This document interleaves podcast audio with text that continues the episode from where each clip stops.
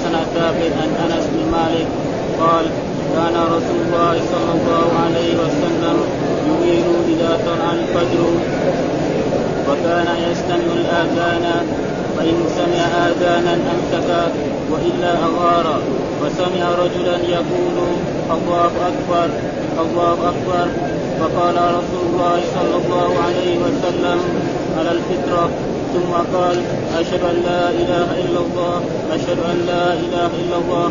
فقال رسول الله صلى الله عليه وسلم خرجت من النار فنظروا فإذا هو رامي ميزان معزن معزن معزن حدثني يحيى بن يحيى.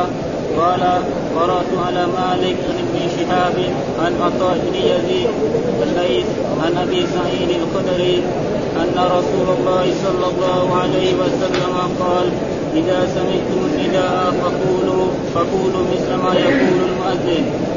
حدثنا محمد بن سلمان المرادي قال حدثنا عبد الله بن وهب عن عن أيوه وسعيد بن أبي أيوب وغيرهما عن كعب بن ألقمة عن عبد الرحمن جبير عن عبد الله بن عمرو بن العاص أنه سمع النبي صلى الله عليه وسلم يقول إذا سمعتم المؤذن فقولوا مثل ما يقول ثم صلوا علي فإنه من صلى علي صلاة صلى الله عليه بها عشرا ثم صلوا الله لي وسيلة فإنها منزلة في الجنة. لا لا تنبغي إلا لعبد من عباد الله. وأرجو أن أكون أنا هو فمن سأل لي الوسيلة حتى له الشفاعة.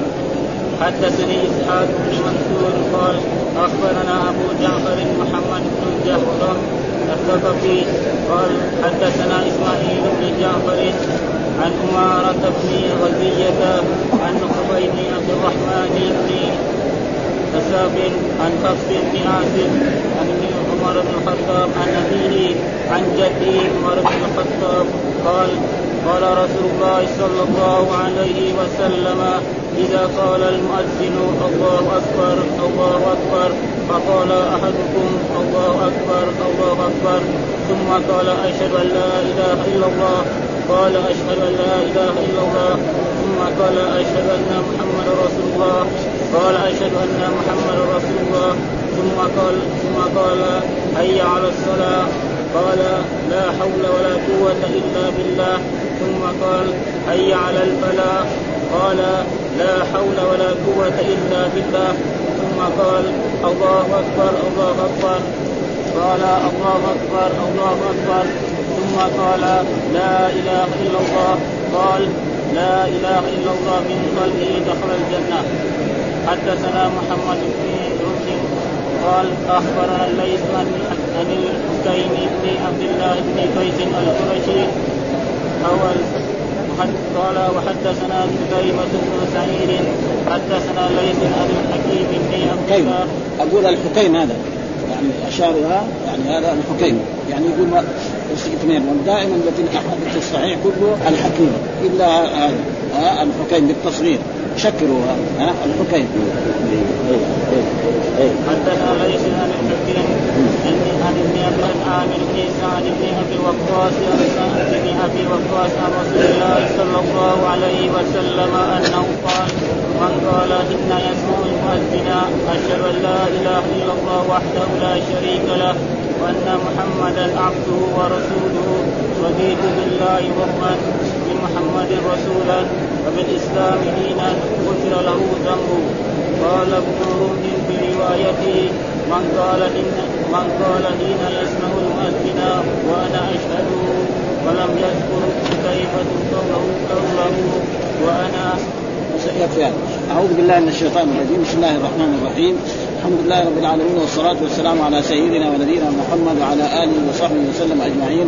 قال الإمام الحافظ أبو الحسين مسلم بن حجاج القشيري النسابوري رحمه الله تعالى والترجمة الذي ترجمها الإمام النووي باب الإمساك عن الإغارة على قوم في دار الكفر إذا سمع فيهم الأذان.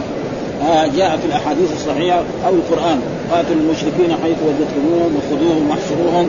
إلى غير ذلك أذن الذين يقاتلون بأنهم ظلموا وأن الله على نصرهم قدير. فأمر المسلمون بقتال الكفار والمشركين ليخرجوهم من الكفر ومن الشرك ويدعوهم إلى عبادة الله ويحذروهم من ظلمات الجهل. فوجب على المسلمين أن يقاتلوا المشركين. لكن بعد أن تصلهم الدعوة أول يرسل لهم دعوة يدعوهم إلى عبادة الله وينهاهم عن الشرك ويأمرهم بطاعة الله وبطاعه فإذا بلغتم ذلك ثم بعد ذلك أبوا ذلك قال للمسلمين أن يغيروا عليهم. فإذا غاروا عليهم ينتظروا إلى الفجر. ينتظروا إلى صلاة الفجر. فإن سمعوهم أذنوا دليل على أنهم مؤمنون فلا يغيرون عنه وإذا سمعوهم ما أذنوا فدليل على أنهم كفار فيغيرون لكن هذا بعد أن تصل إليهم الدعوة. أما يجي مثلا الناس كفار أو مشركين يعني يهجموا عليه هذا لا يصح ها بعد ولذلك الرسول صلى الله عليه وسلم كل الناس الذي دعاهم أول يرسل اليهم دعاة يدعونهم. ها كما فعل بكسرى وبقيصر وبغير ذلك. فلذلك قال باب الإمساك عن الإغارة. فإذا سمعهم نعم أذنوا لا في دار الكفر. على قوم في دار إذا سمع فيهم الأذان. والأذان إعلان بدخول الوقت وهو يقول أشهد أن لا إله إلا الله أشهد أن لا إله إلا الله أشهد أن معناه مسلم. ها ولذلك لما أسامة قتل رجلا قال لا إله إلا الله قال أقتلته بعدما قال لا إله إلا الله. قال إنما قال يعني خوفا من القتال. قال هل شققت عن قلبه وأي إنسان يقول لا إله إلا الله محمد رسول الله فهو أخ مسلم لنا. ثم بعد ذلك هذه الكلمة لازم لها من أسنان. آه يعني كلمة التوحيد لا إله إلا الله محمد لازم هذه الكلمة يكون فيها أسنان. والأسنان هذه الأعمال الصالحة. آه يصلي يزكي يصوم يحج. فإذا أتى بمفتاح بدون آه أسنان ما يفتح. حتى الأبواب الحديثة الآن آه الأبواب الموجودة الآن إذا ما في يعني في في الحديثة هذه ما يفتح الباب. فلا بد ففي خطورة. يعني وقد يمكن. فلذلك قال باب الإمساك عن الإغارة على قوم في دار إذا سمع فيهم الأذان. والمراد بالأذان الأذان الشرعي. يعني هنا الأذان المذان به الأذان الشرعي الذي هو الله أكبر الله أكبر. أشهد ما هو الأذان اللغوي؟ الإعلام بدخول الوقت. أو أذن مؤذن إلى غير ذلك. إيش الدليل على ذلك؟ هذا الحديث الذي سابه الإمام مسلم. حدثنا زهير بن حرب حدثنا يحيى يعني بن سعيد عن حماد بن سلمة حدثنا ثابت عن أنس بن مالك قال كان الرسول يغير اذا يغير إذا طلع الفجر. يعني كان الرسول ينتظر قرب إيه؟ هذه القرية أو هؤلاء الجماعة قرب قريتهم. فإذا سمع في الصبح أذنوا آه ترك الإغارة عليه وإذا لم يؤذنوا دليل على أنهم لا يزالوا على كفرهم وشركهم أغار عليهم وقتل المقاتلين وسبى النساء والذراري وأخذ أموالهم. وكان يستمع الأذان. يستمع لإيه؟ فإذا سمع أذانا أمسك. وهذا واجب إيه؟ جميع المسلمين الذين يحاربون الكفار ويقاتلونهم لادخالهم في دين الإسلام. وإلا أغار. ها اذا أغار عليهم. فسمع رجلا يقول لما جاء وقت الأذان الله أكبر الله أكبر. فقال رسول الله على الفطرة إيش معنى على الفطرة؟ على الإسلام. فطرة الله التي فطر الناس عليها. هذا على الفطرة معناه على الإسلام وهذه هي كلمة التوحيد الذي إيه؟ كن ثم قال أشهد أن لا إله إلا الله أشهد أن لا إله إلا الله فقال خرجت من النار. أي إنسان يقول هذه الكلمة في الأول خلاص خرج من النار. ثم بعد ذلك إذا كان هناك أحكام شرعية نقول له كذلك يجب عليك أن تصلي خمس صلوات في كل يوم وليلة. وأن تتوضأ وأن ترفع يعني الجنابه إذا أجنبت إلى غير ذلك ونقول له كذلك عليك الزكاة فإذا فعل ذلك صار أخ لنا مسلم حبيبا لنا له ما للمسلمين وعليهم على المسلمين وإذا أبى قال لا بس أنا أقول هذه الكلمة ولا افعل فيقاتل. ولذلك قال فان قاموا الصلاة وآتوا الزكاة نعم. في سورة التوبة أقاموا الصلاة واتوا الزكاة. فإخوانكم في الدين ونفسر الايات لقوم يعلمون. هذا لابد إيه؟ من الايه من الأحكام الشرعية الباقية. بس لا إله إلا الله لا لا تكفي ولذلك كان الرسول في أول مره أي إنسان يقول هذه الكلمة يصبح مسلما ويصبح مؤمنا. ثم بعد ذلك قال حدثنا آه وهنا الحديث الثاني كذلك حدثنا قال خرجت من النار فإذا هو راع مع معز يعني إيه راعي غنم؟ آه يعني يعني يسمى يعني معزه وجمع معزن يعني معناه شياء أو خرفان. يسمى شاء ويسمى خرفان ويسمى حمل هكذا يعني. ثم قال حدثنا يحيى بن يحيى قال قرأت على مالك عن ابن شهاب عن عطاء بن يزيد الليثي عن أبي سعيد الخدري أن الرسول قال إذا سمعتم النداء المراد بالنداء الآذان ها؟ تقولوا مثل ما يقول المؤذن. نقول مثل يعني إذا قال الله أكبر نحن بعد كذلك نقول الله أكبر. واذا قال مرتان الله أكبر وهكذا كذلك أشهد أن لا إله إلا الله وكذلك أشهد أن وإذا قال حي على الصلاة آه نقول لا حول ولا قوة إلا بالله. وإذا قال حي على الفلاح نقول لا حول ولا قوة وإذا قال الله أكبر الله أكبر نقول الله. وإذا قال لا إله إلا الله نقول لا. أه؟ هذا وهنا قال مثل ما يقول المؤذن يعني في كل الكلمات لا. أه؟ فجاء في حديث آخر فصل أنه نقول أشهد في الله أكبر وفي أشهد أن لا إله إلا الله وفي أشهد ان وفي غير ذلك نقول إيه؟ حي يعني لا حول ولا قوة إلا بالله. فالأحاديث يشرح بعضها هنا مجمل. وفي الحديث الثاني بين إنه المراد به وكذلك ثم ذكر حدثنا محمد بن سلمة المرادي حدثنا عبد الله بن وهب عن حيوة وسعيد بن أبي أيوب وغيرهما عن كعب بن علقمة عن عبد الرحمن بن جبير عن عبد الله بن عمرو بن العاص أنه سمع النبي صلى الله عليه وسلم يقول إذا سمعتم المؤذن فقولوا مثل ما ثم صلوا علي. آه بأي صيغة من الصيغ وأفضل صلاة هي الصلاة الإبراهيمية. ها؟ يعني ما هو لازم. أي صلاة صلى بها الإنسان جائز. ولكن الصلاة الإبراهيمية فإنها أفضل الصلوات لأن الرسول سئل عنها. كيف نصلي عليه؟ فقال قولوا اللهم صل على محمد وعلى آل محمد كما صليت على إبراهيم وعلى آل إبراهيم.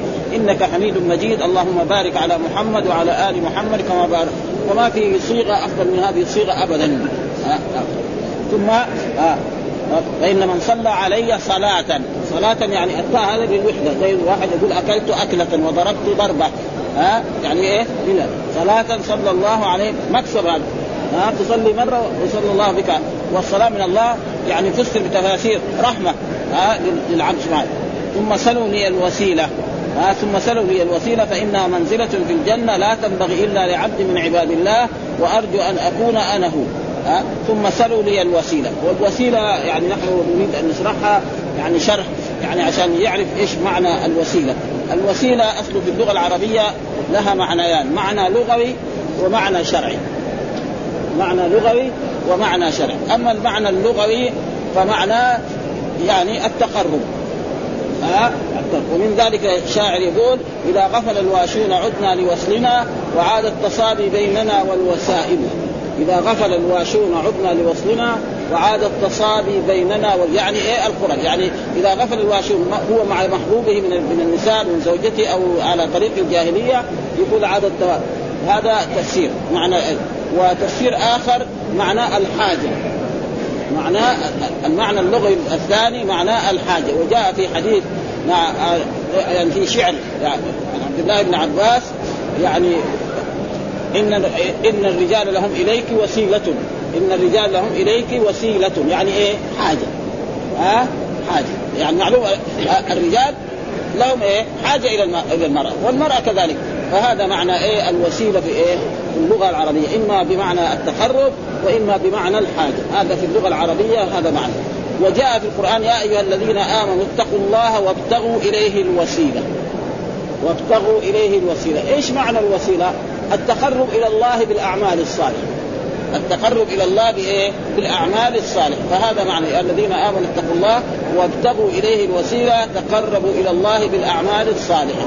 وجاء في آية أخرى كذلك في سورة أولئك الذين يدعون يبتغون إلى ربهم الوسيلة معنى إيه؟ يتقربون إلى الله فمثلا عزير وعيسى وغير ذلك هو بنفسه يتقرب إلى الله فهذا معنى هذا معنى التوسل شرعا يعني في القرآن وفي السنة هذا معناه وهنا جاء في الحديث ثم سلوا لي الوسيلة.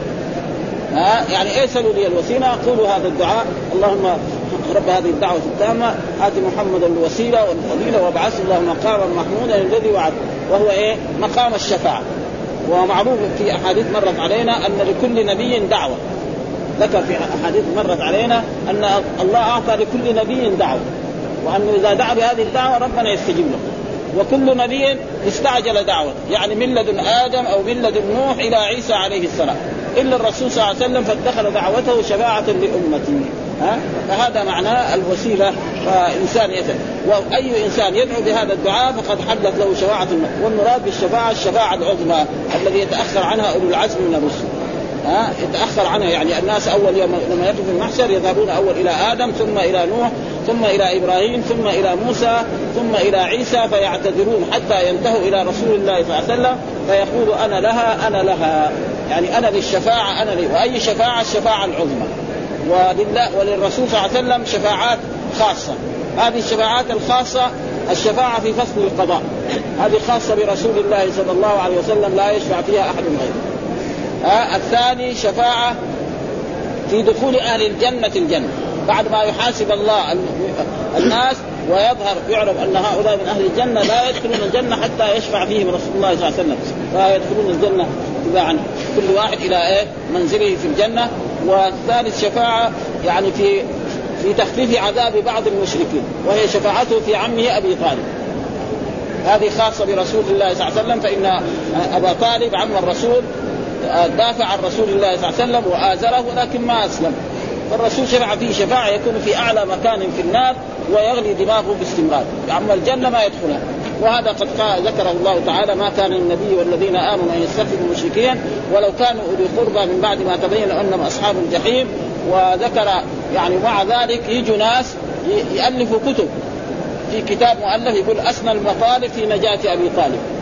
وكذلك الرافضة كذلك ها؟ كذا يالفوا كتب مثل ذلك ويقول أنهم كلهم هؤلاء ناجون إلى غير مع إنه هذا في القرآن ها؟ هذا في القرآن آه، يعني ف... ف...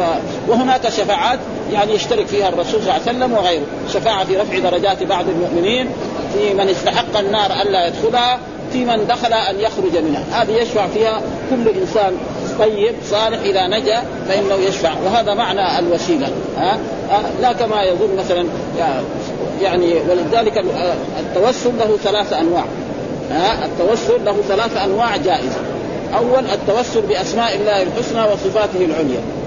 يقول الله تعالى في القرآن ولله الأسماء الحسنى فادعوه بها وذروا الذين يلحدون في أسمائه. ها؟ واحد يقول يا الله يا رحمن يا حي يا قيوم يا ذي الجلال والإكرام. هذا تقريبا توسل مشروع. ها؟ هذا توسل. النوع الثاني من أنواع التوسل التوسل يعني بالأعمال الصالحة. واحد يقول اللهم بصلاتي لك الصلوات الخمس بحجي لبيتك الحرام ها؟ ببري لوالديك بصلاتي على رسولك صلى الله عليه وسلم ها؟ نعم بأداء الزكاة بحبي للمؤمنين. هذا عمل صالح. جائز. ها؟ والدليل على ذلك حديث الثلاثة الذي انطبق عليهم الغار يعني الثلاثة الذي انطبق عليهم الغار فإن واحد منهم يعني كان يقول كان لي أبوان وكنت لا أسقي أحدا قبله. أنا ما أسقي أول إلا أبوه يعني يروح يرعى وإذا أتى بالحليب أول يسقي الأب والأم ولا يسقي أولاده وفي وهذه عادته دائما وفي يوم من الأيام ذهبوا بعيدا عن عن القرية أو البلد وجاء بعدما نام الأبوين. فلما جاء أخذ الحليب وجلس عنده. كونه يوقظهم من النوم ما هو أدب. وكونه يسقي أولاده قبل لا وانتظر حتى طلع الفجر. فقام فشرب قال غضوفهما فقال اللهم إن كنت فعلت هذا ابتغاء وجهك ففرج عنا ما نحن. فانفرجت الصخرة لكن ما يرجف. ها؟ وهذه الأحاديث مر علينا في البخاري عده وهنا الحين كما سيأتي في مسلم. وبعد ذلك الثاني قال إنه كان يعني له ابنة عم وكان راودها للفجور وللزنا فأبد. فافتقرت. ومعلوم أن أصحاب الغنم وأصحاب الإبل واصحاب إذا كان هناك جد تموت الغنم. مثلا رجل عنده كان ألف راس من الغنم وصار جد سنة يموتوا كلهم يصير فقير ما عنده ولا شيء. لأنه فين ما في يعني ما هذا فقال أي ثم بعد ذلك افتقرت وأعطاها 100 دينار عشان يفجر بها ويزني بها. فلما جلس منها مجلس الرجل من زوجته قالت يا عبد الله لا تفض الخادم إلا بحقه فقام عنها. وترك المئة الدينار. ترك المعصية إيه؟ لله. وهذا إيه؟ عمل إيه؟ صالح. يعني ترك المعصية. ما جاء أحد شوش عليهم يا شرقي ولا ولا جار ولا قريب ولا شيء. والثالث قال إنه كان لي أجراء يعني خدم يخدموني. وكل أجير يخدمني بالشهر أو في السنة أعطيه. واحد خدمني سنة وسافر وترك أجره. يعني معلوم أن أصحاب أصحاب الراعي ما يعطي له فلوس ما عنده فلوس لا فضة ولا ذهب إنما يعطي له كم؟ رؤوس من الغنم كذلك الذي يرعى الإبل مثلا إذا كان خادم يرعى الإبل ما يعطي له فلوس ما عنده ذهب وفضة يعطي له إيه؟ ناقة أو ناقتين أو ثلاث على ما اتفق معاه في السنة وكذلك أصحاب البقر وهكذا وكذلك الزارع ما يعطي له فلوس ما عنده فلوس يعطي له إيه؟ مثلا يعني بر أو حنطة أو دخن أو ذرة أو غير ذلك. فراح هذا غاب سنين وجاله قال له يا عبد الله أنا كنت اشتغلت عندك خادم وأعطيني أجر. قال له شوف هذا الوادي كله بما فيه من العبيد ومن الغنم كله ده. قال له لا تسخر بي. أنا خدمتك سنة أعطيني حد قال له لا كله لا. فأخذوا واستاقوا له فهذه أمانة. ها؟ فقال فانفرجت الصخرة والرسول ذكرها لنا ليه؟ عشان مثل هذا جائز لو واحد قال اللهم بحبي لنبيك محمد صلى الله عليه وسلم وبشهادة أن لا إله إلا الله وبشهادة أن محمد رسول يعني ما في شيء. ها؟ ابدا يعني جائز. لأنه هذا عمل. حب الرسول إيه؟ عمل صالح. ها؟ بطاعة لرسول الله صلى الله عليه وسلم. بشهادة أن لا بإقام الصلاة بإيتاء الزكاة. هذه أشياء جائزة. والتوسل الثالث التوسل بدعاء رجل صالح حي. رجل صالح تعتقد يعني فيما يظهر لك انت. العبرة بإيه؟ بالظاهر. فجاء عنده قال له يا أيها الأخ يا أيها الأخ أو أيها الصديق ادعو الله لي. وهذا جائز وقد حصل ذلك دليله عن عمر بن الخطاب رضي الله تعالى عنه أن عمر بن الخطاب أراد أن يعتمر فجاء يودع الرسول صلى الله عليه وسلم فقال له الرسول يا أخي لا تنسني من دعائي الرسول يقول لعمر يا أخي لا تنسى. الرسول ما يحتاج عمر يدعو له ابدا ما يحتاج عمر يدعو لكن إيه؟ عشان يشرع لنا هذا. فنحن إذا زميل لنا رايح إلى مكة نقول له بالله أوقف عند الملتزم وادعو الله لي. آه عند مثلا آه عند مقام إبراهيم. نعم في حجر إسماعيل. نعم في منى في عرفات. فهذا جائز. آه بشرط أن يكون حي. الآن لا بعض الناس يكون ميت ويجي يدعو. هذا ما ينبغي. فهذه أنواع يعني من التوسل جائزه بيجي توسل مثلا بالحق أو بالجاه. يعني كثير من الناس يعني في بعض الكتب حتى بعض العلماء وبعض المشايخ يقول بحق نبيك أو بحق رسولك أو بجاه الولي الفلان أو بجاه هذا لم يرد. يعني الرسول علمنا أدعية كثيرة ما فيها هذا الدعاء ابدا. ها قال اللهم إني عبدك وابن عبدك وابن أمتك ناصيتي بيدك. اللهم إنك أنت الأحد الفرد الصمد. ثم ما في أحد له حق على الله سبحانه وتعالى.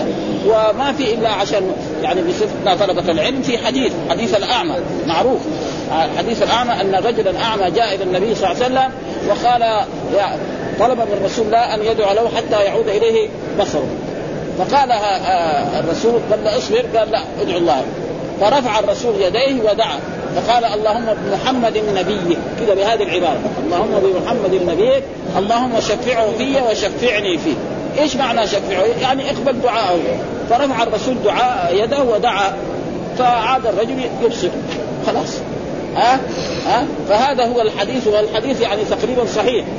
ها؟ يعني شيخ الإسلام ابن تيمية له كتاب اسمه التوسل والوسيلة وبحث وماذا؟ ولأنه موجود في إيه؟ في السنن. موجود أظن في في الترمذي وفي سنن أبي داود وما طعن فيه. الحين نسمع بعض إخواننا من طلبة العلم يقولوا أن الحديث ضعيف.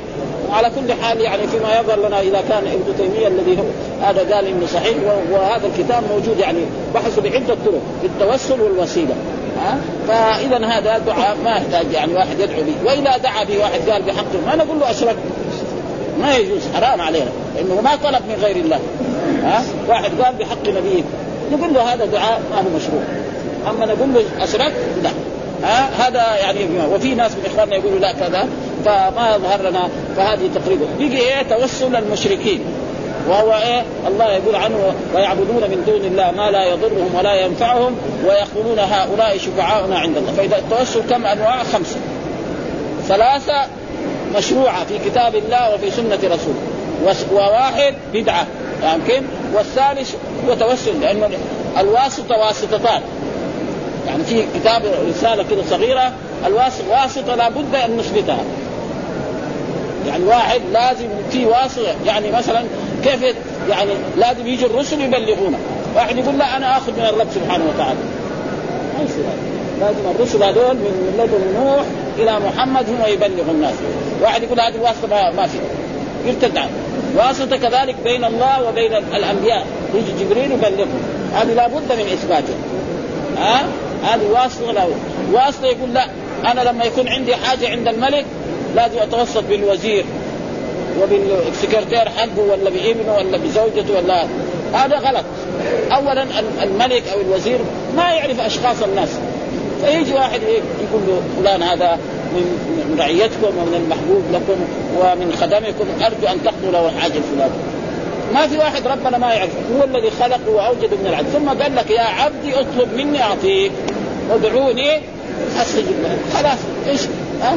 ولذلك عشان نقرب هذا المعنى لو أن إنسان والده قال له يا ابني إذا احتجت شيئا اطلب مني أنا أعطيك. فلما احتاج شيء راح توسط بعمي. قال له يا عمي اطلبني من أبي. وقد أحسن الظن بالأب ما أحسن الظن بالأب. ها؟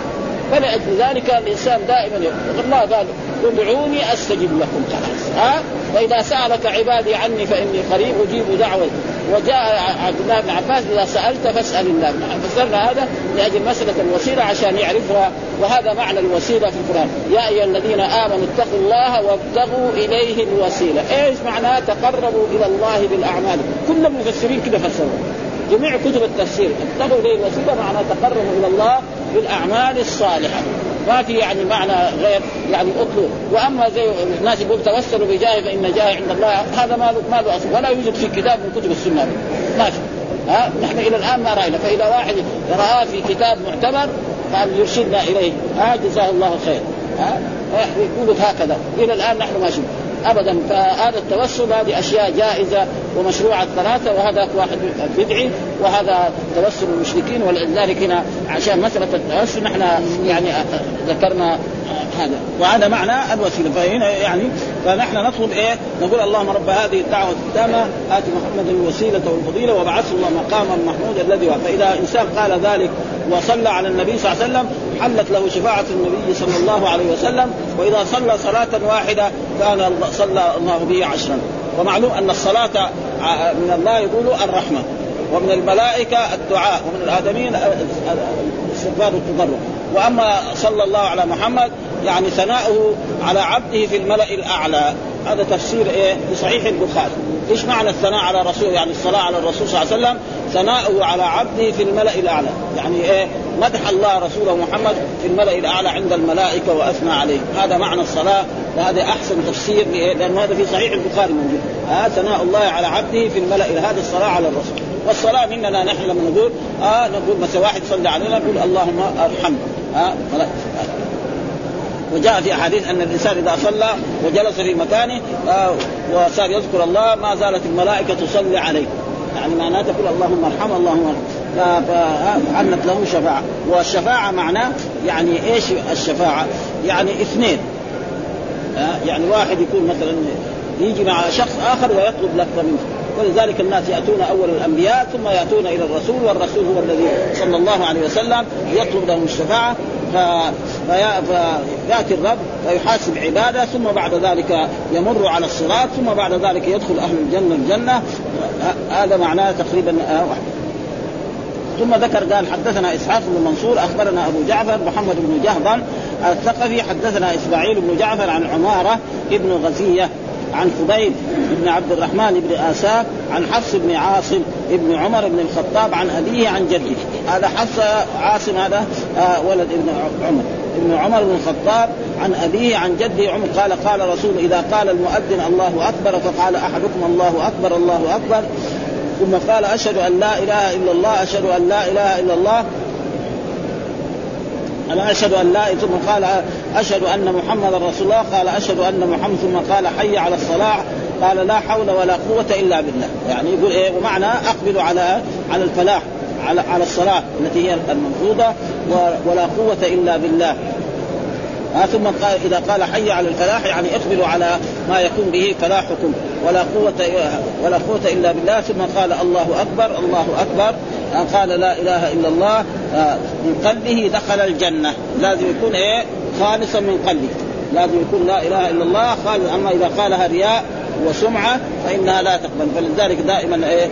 ولذلك الله قال عن عن المنافقين في سورة المنافقون وقال إذا جاءك قالوا نشهد إنك لرسول الله. نشهد انه والله يعلم إنك والله يشهد إن المنافقين لكاذبون. إيه؟ بالشهادة. لأنه بس باللسان يقول. فلازم الشهادة يكون إيه؟ بالقلب آه ولذلك هذا هو الإيمان و... ثم قال حدثنا محمد بن رمح أخبرنا الليث عن الحكيم.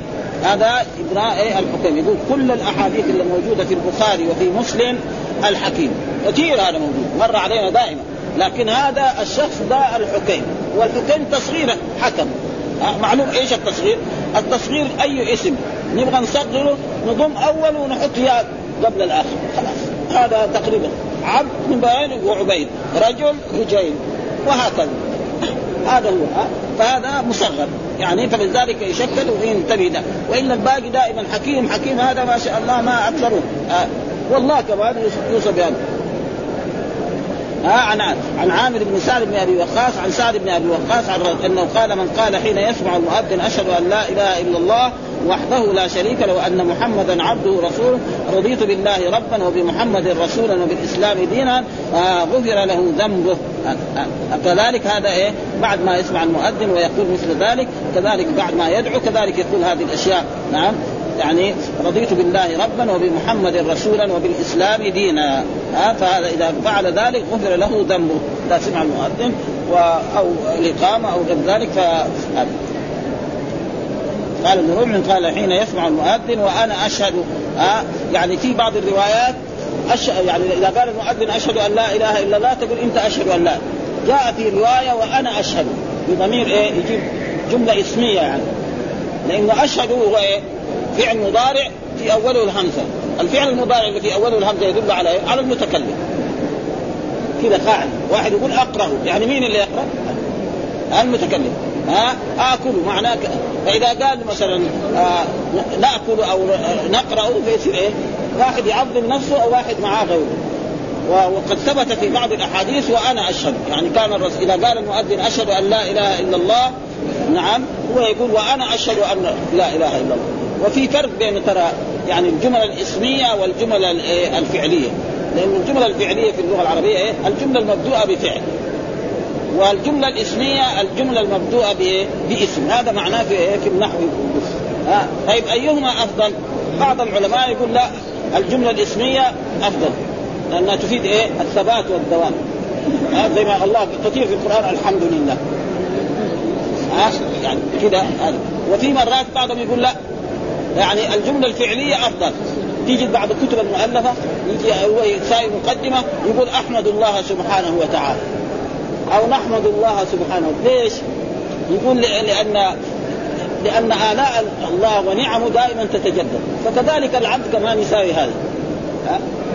فإذا كل واحد وإلا لا فرق بين أشهد أن لا إله إلا الله وأنا أشهد أن لا. بس هذه جملة اسمية وهذه جمله وهذه موجودة في الأحاديث. مر علينا كان حديث في إيه؟ في نيل الأوتار.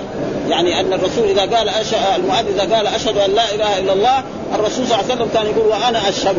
آه وكنا نحن نظن أن هذا يعني من بعض الناس كذا حتى وقعنا على الحديث والحديث موجود ودحين هذا بمعنى سوا سوا وأنا أشهد. يعني إيه؟ أنت أيها المؤمن كذلك قول وأنا يجيبها جمله إسمية ها؟ آه؟ والجملة الإسمية تفيد إيه؟ الثواب يعني تداوم على هذه الجملة باستمرار حتى تلقى يلقى العبد ربه سبحانه وتعالى وهو على كلمة التوحيد. وجاء في أحاديث من قال لا إله إلا الله نعم دخل الجنة. ومن كان آخر قوله لا إله إلا الله دخل الجنة. ها؟ وكذلك في هذا. قال ولم يذكر قتيبة آه قوله وأنا. يعني بس قال أشهد يعني. بدون إيه؟ الضمير الإيه؟ المتكلم. هنا يقول هذا ويقول وأما لغاته ففيه الوسيلة. وقد فسرها صلى الله عليه وسلم بانها منزله في الجنة. قال أهل اللغة الوسيلة المنزله عند الملك. ها حتى في الدنيا ها. وكان عند الله وقوله صلى الله عليه وسلم حلت له الشفاعة أي وجبت. وقيل نالته قوله صلى الله عليه وسلم إذا قال المؤذن الله أكبر الله أكبر ثم قال أشهد أن لا إله إلا الله ثم قال أشهد أن محمد ثم قال حي على الصلاة إلى آخره. معنى قال كل نوع من هذا مثنى كما هو المشروع واختصر صلى الله عليه وسلم من كل نوع شطرة تنبيها على باقيه يعني لازم يقول إيه إذا كان المؤذن مرتين أشهد أن لا إله إلا الله نحن نقول مرتين. لكن هنا دحين واحدة مرة قالها وهذا معناه إنه هذا. ومعنى حي على كذا أي تعالوا إليه. ها اسم فعل أمر يسمى. يسمى فعل زي صح وزي آمين. ها وزي مه ها والفلاح الفوز والنجاة. وإصابة الخير. قال وليس في كلام العالم كلمة أجمع للخير من لفظة الفلاح ولذلك أولئك هم المفلحون. كثير في القرآن. كم مرة يعني في عدة سور أولئك هم يكفي في أول سورة البقرة. وسبق بيان هذا في حديث الدين والنصيحة. فمن فمعنى حي على الفلاح أي تعالوا إلى سبب الفوز والبقاء في الجنة والخلود في النعيم والفلاح. والفلح تطلقهم العرب أيضا على البقاء. ها؟ يقول أحد الله أو بمعنى أبقار وقول لا حول ولا قوة إلا بالله يجوز فيه خمسة أوجه لأهل العربية. وهذا معروف في باب لا النافية للجنس في باب النافية للجنس يقول يجوز فيها الأول يجوز فيه إيه؟ يعني وجهان. والثاني يجوز فيه سبب. واحد يقول لا يعني في اللغة العربية يقول لا حول ولا قوة إلا بالله. هذا كل الاثنين يقول لا حول ولا قوة إلا بالله ها لا حول ولا قوة إلا بالله. لا حول ولا قوة. وكلها لأنه لا إذا تكررت يجوز إعمالها وإهمالها. وأما إذا ما تكررت يجب إعمالها إذا كانت مستوفية الشروط. ها؟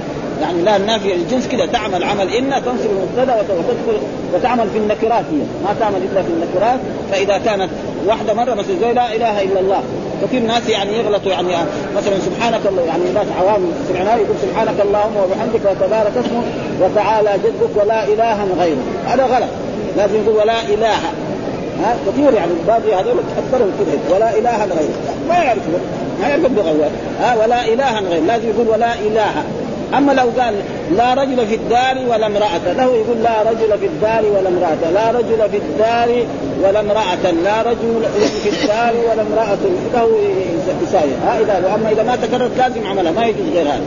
ها ولذلك يقول خمسة أوجه وهذه خمسة من باب لا النافي الجنس يعني في, في النحو يعني, يعني ومعنى ذلك يقول خ... آه آه شو يعني قال لا وقول لا حول ولا يجوز فيه خم... آه يجوز فيه خمسة أوجه.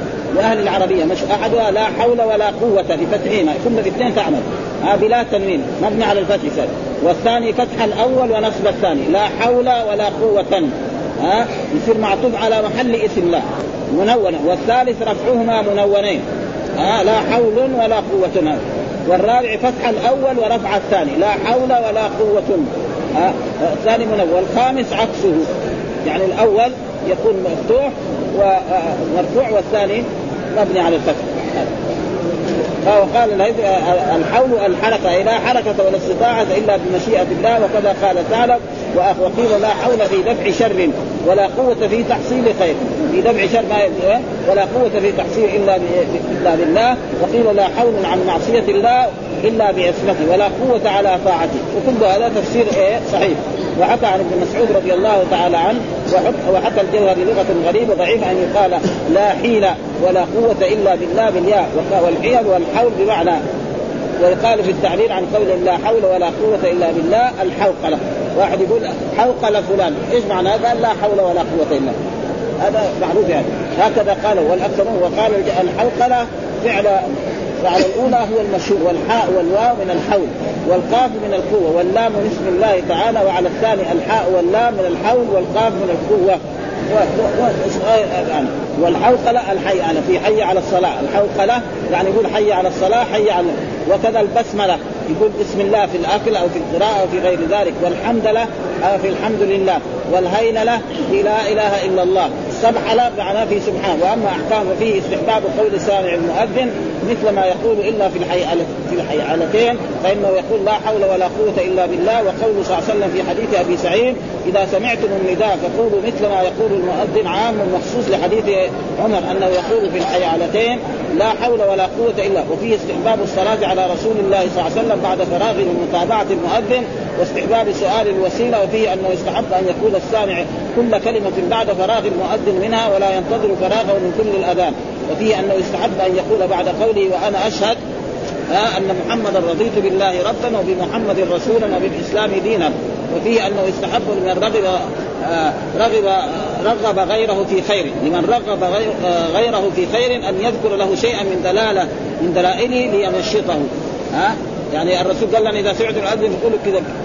بعد ذلك قال إيه؟ ها؟ من من صلى علي مرة صلى الله عليه وسلم. هذا إيه؟ يصير إيه في ترغيب. ثم بعد ذلك ثم سلوا لي الوسيلة. فإنها درجة في الجنة لا تنبغي إلا وأرجو أن أكون يصير أشفع لك فلذلك واحد إذا يرغب شيء يقدم له إيش الفوائد.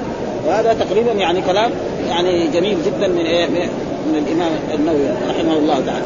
ها فإنه من صلى علي مرة صلى الله بها صلى الله عليه بها عشرة ومن سأل لي الوسيلة حلت له الشفاعة وفي أن الأعمال يشترط لها القصد والإخلاص كقول صلى الله عليه وسلم من قلبه. واعلم أنه يستحب إجابة المؤذن بالقول مثل قوله لكل من سمع من متطهر ومحدث وجنب لأن هذا ما هو القرآن وحائض وغيره ممن لا مانع له من الإجابة فمن فمن أسباب المنع أن يكون في الخلاء يكون قاعد لقضاء الحاجة البول الغائط أو جماع أهله أو نحوهما ومنها أن يكون في صلاة إذا كان في الصلاة ما يقول. فمن كان في صلاة فريضة أو نافله فسمع المؤذن لم يوافقه وهو في الصلاة. فإذا سلم أتى لمثله يعني غلقنا الصلاة يقوم يكرر ولو كان فاته في شيء في الصلاة. فهل يكره فيه قولان للشافعي رضي الله تعالى عنهما؟ أظهرهما أنه يكره لأنه إعراض عن الصلاة ولكن لا تبطل صلاته لأنه إيه؟ ذكر من, من الذكر. إنما قال لانها اذكار فلو قال حي على الصلاة أو الصلاة خير من النوم آه بطل الصلاة. آه لو قال هذا هذا هذا يدخل الصلاة.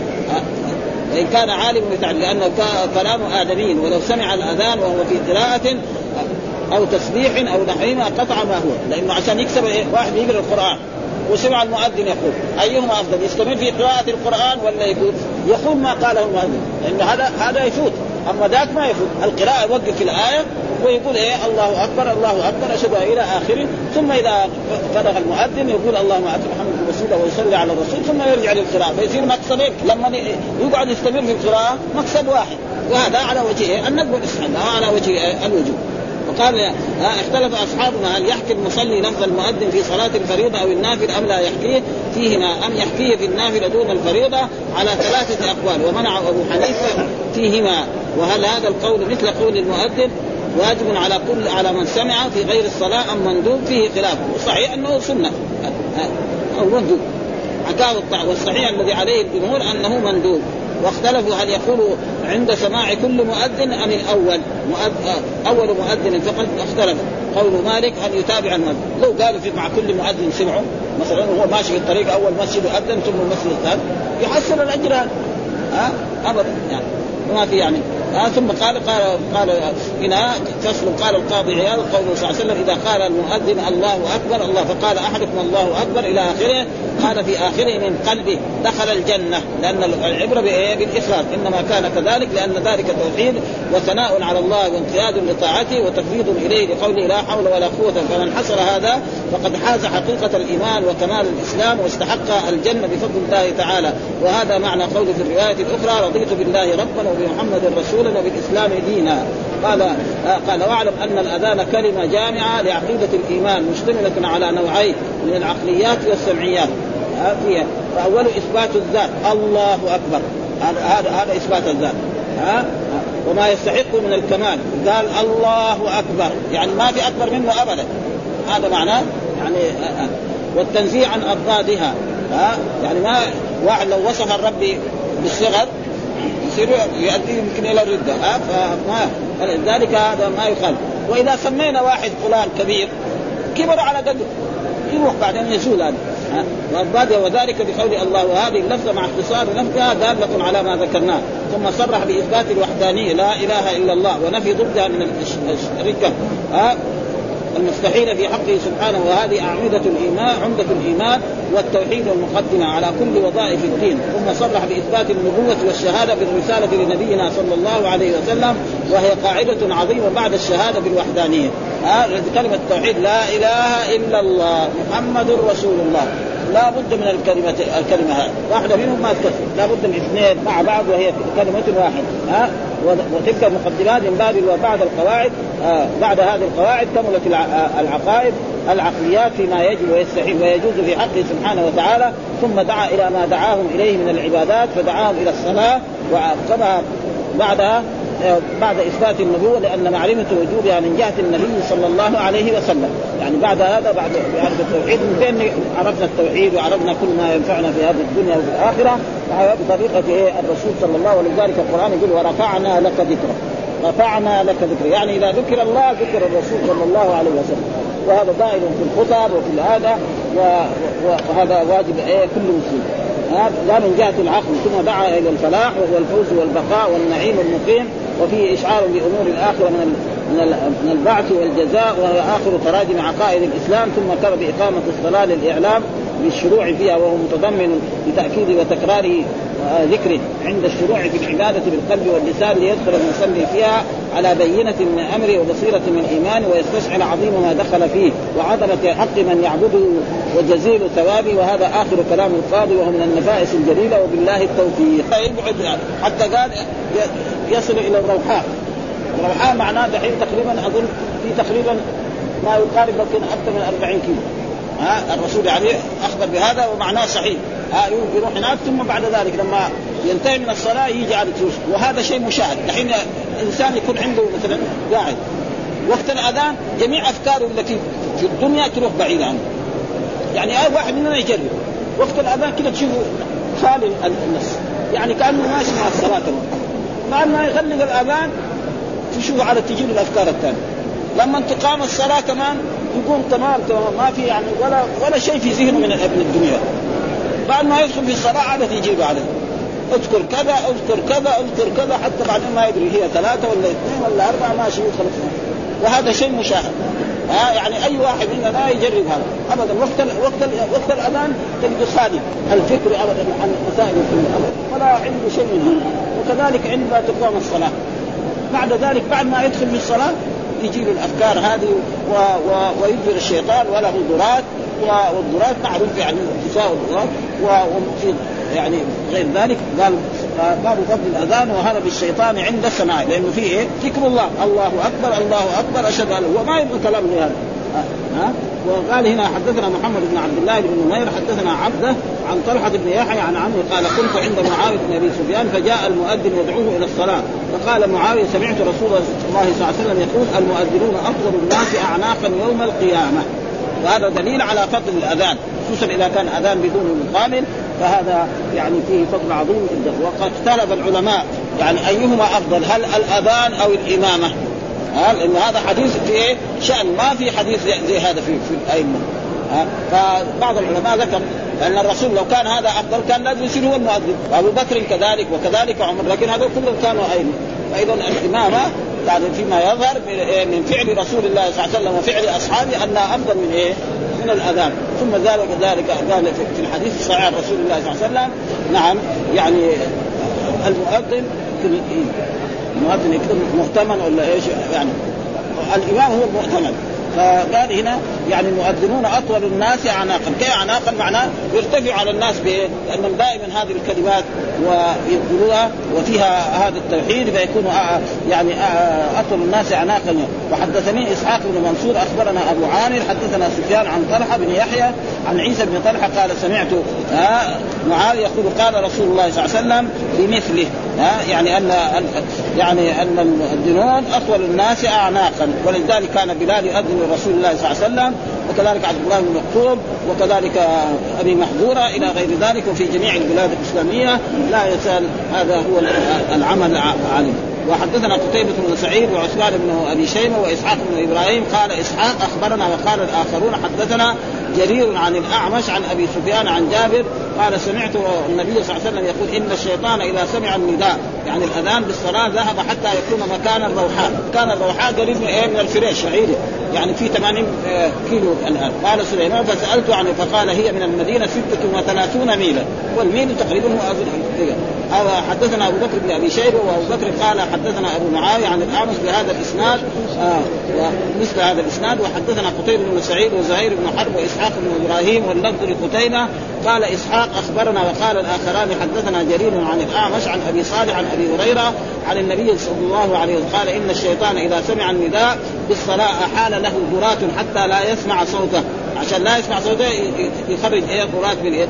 وهذا دليل على أن يعني كيف الشيطان له ضرات؟ له ضرات حقيقة. ليه؟ لأنه ثبت عندنا في الأحاديث أنه يأكل ويشرب. ودائما الذي يأكل ويشرب يصير له ضرات حتى الحيوانات. نشوف الحمار والبغل والفرس. نعم ابدا. يعني كلام لأنه جاء في الأحاديث صحيح أن الإنسان إذا دخل بيته وما قال بسم الله دخل الشيطان معه. وقال حصل لكم المبيت اليوم.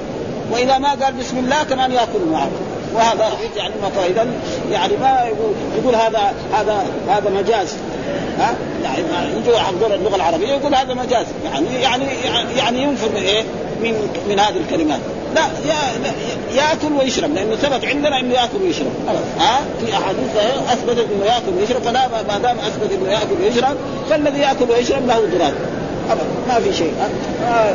لا يقول هذا هذا مجاز. ولذلك المجاز في بعض المرات يكون فيه أشياء. حتى فإذا سكت رجع فوسوس وإذا سمع الإقامة ذهب حتى لا يسمع صوته فإذا سكت رجع فوسوس. وقال الله تعالى يقول له اذكر كذا اذكر كذا حتى ما يدري حدثنا عبد الحميد بيان الواسطي حدثنا خالد يعني بن عبد الله عن سهل عن ابي عن أبي هريرة قال قال رسول الله صلى الله عليه وسلم إذا أذن المؤذن أذن الشيطان وله اصحاص وهو بمعنى الضراد، إيش الحصحاص؟ بمعنى الضراد، وحدثنا أمية بن وسطام حدثنا يزيد يعني بن زراع حدثنا روح عن سهل قال أرسلني أبي إلى بني حارثة.